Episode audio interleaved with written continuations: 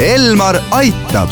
saate toob teieni kompostiljon.ee tere, tänases Elmar aitab saates räägime kompostimisest. stuudios on Annika Õunap ja minuga koos on kompostiljonist Anneli Ohvril ja Angela Hollo. no vanem generatsioon kindlasti teab, et mis asi see kompostimine on ja teavad ka need, kes äh, täna biojäätmete sorteerimisega tegelevad, kuid ma usun, et on kindlasti päris palju neid inimesi, kes äh, sellest äh, väga suurt midagi ei tea, võib-olla kuulnud on, aga ka sisuliselt ei tea. mis asi see kompostimine siis on? Kompostimine on äh, väga lihtne ja looduslik protsess, mille käigus äh, erinevad mikroorganismid, bakterid ja seened tarbivad äh, erineva päritoluga orgaanilist materjali, näiteks kartulikoored, puulehed, ja kogu selle protsessi käigus valmib biolagunevatest jäätmetest viljakas huumusrikas muld. selle kaudu on võimalik ju oma prügi vähendada päris palju, kui palju see seda nii-öelda koormat vähendab, mida peavad ära vedama siis prügiveoautod? Kodus tekkinud prügist kuni poole võivad moodustada toidujäätmed, eriti kui me veel õhtusööke ka kodus teeme. ja meie enda kätes on see, et kas sellest, nendest toidujäätmetest saab prügi või saab hoopis midagi oluliselt väärtuslikumat, näiteks kompostimuld.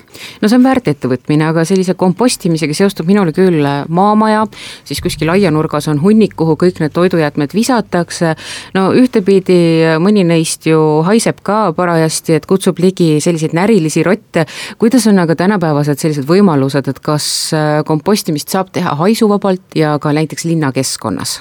õigesti tehtud kompost tegelikult ei haise ja nipp on seal väga lihtne, et tuleb äh, alati panna kihiti äh, toidujäätmed siis äh, nii-öelda pruuni kihiga, pruuniks kihiks võivad olla siis kas turvas või, või oksaraad või midagi sellist kuiva, nii et kui selliselt toimetada, siis tegelikult kompost ei haise, aga linnas on muidugi teised reeglid, linnas tulebki kompostida toidujäätmeid kinnistes kompostrites, selleks tuleb siis soetada poest endale äh, komposter, neid on seal väga suures valikus, ja, ja sellisel juhul tegelikult isegi, kui äh, kui läheb natuke midagi nässu, et seda toidujäätmeid saab sinna liiga palju ja ta hakkab haisema, siis see hais ei tule sealt kuidagi välja. Ja samuti ei saa ka kinnisesse kompostrisse närilised ligi. milliseid kompostreid äh, üldse tänapäeval kasutatakse ja kas kompostimine on pigem nagu eramajade selline võimalus või saab seda kasutada ka kortermajade inimene?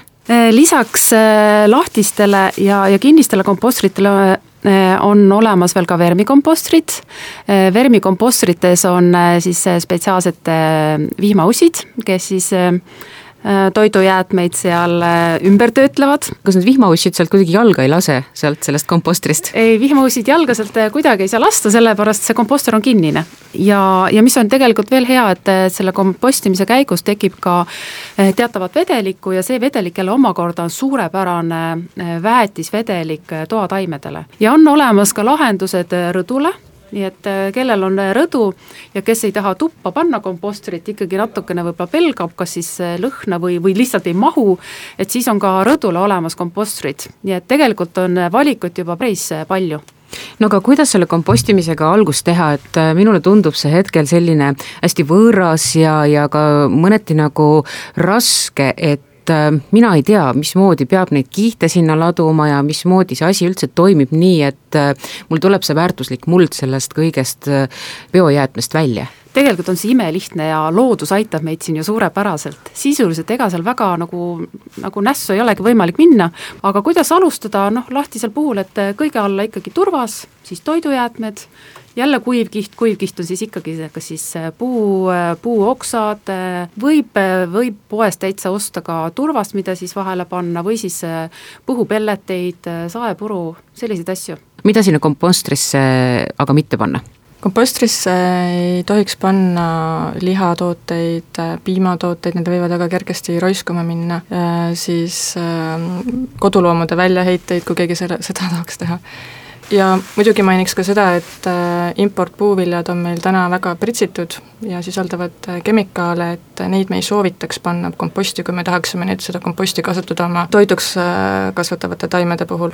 no ühelt poolt tõepoolest kompostimine on võimalus oma siis jäätmetest ju lahti saada, aga mis aja jooksul saab komposterist kätte selle kasuliku toitainerikka mulla? See nüüd oleneb jälle kompostrist, kiirkompostriga, nagu Angel ütles, sellega saab juba paari kuuga komposti valmis. Ja lõpetuseks te tegite ka möödunud aastal sellise toreda üleskutse, et kinkida Eesti sajandaks juubeliks riigile sada tonni puhast mulda, et mis sellest äh, eesmärgist sai, et kas see sai täidetud?